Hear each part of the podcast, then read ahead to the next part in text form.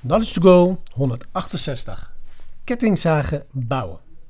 Deze microles is geïnspireerd op basis van een idee uit het boek The Seven Habits of Highly Effective People, geschreven door Stephen R. Covey.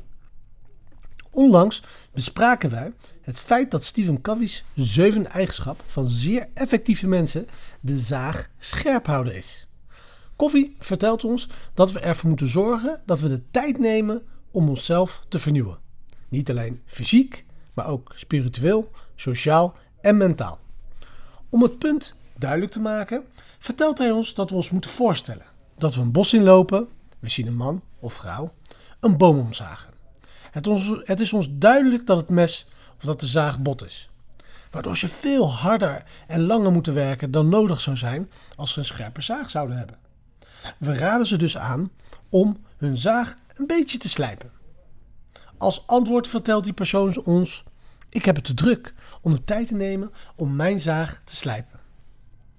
Moreel van het verhaal: Wees niet de persoon die denkt dat hij te druk heeft om de tijd te nemen om zijn zaag te slijpen. En voordat we verder gaan, persoonlijke vraag: Ben jij die persoon?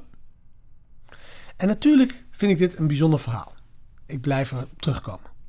Maar ik zeg: waarom niet gewoon de tijd nemen om de zaag te slijpen? Het is toch zo duidelijk dat het verkrijgen van energie zo essentieel is voor onze bloei. En ik zeg: laten we een stap terug doen en een kettingzaag bouwen. Ik bedoel, vertel jij het mij. Wat zou jij liever hebben? Een goed geslepen zaag of een goed geoliede kettingzaag? Onthoud, de wetenschap zegt dat zeist, zest, ook bekend als energie, de nummer 1 voorspeller is van onze welzijn en onze bloei. En wat ook de reden is dat wij mensen helpen bij het optimaliseren van hun energie. En dat dit zo'n centraal thema is in al het werk wat we samen doen.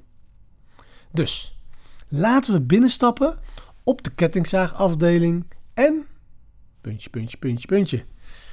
Hoe kan jij vandaag een beetje olie toevoegen aan jouw kettingzaag?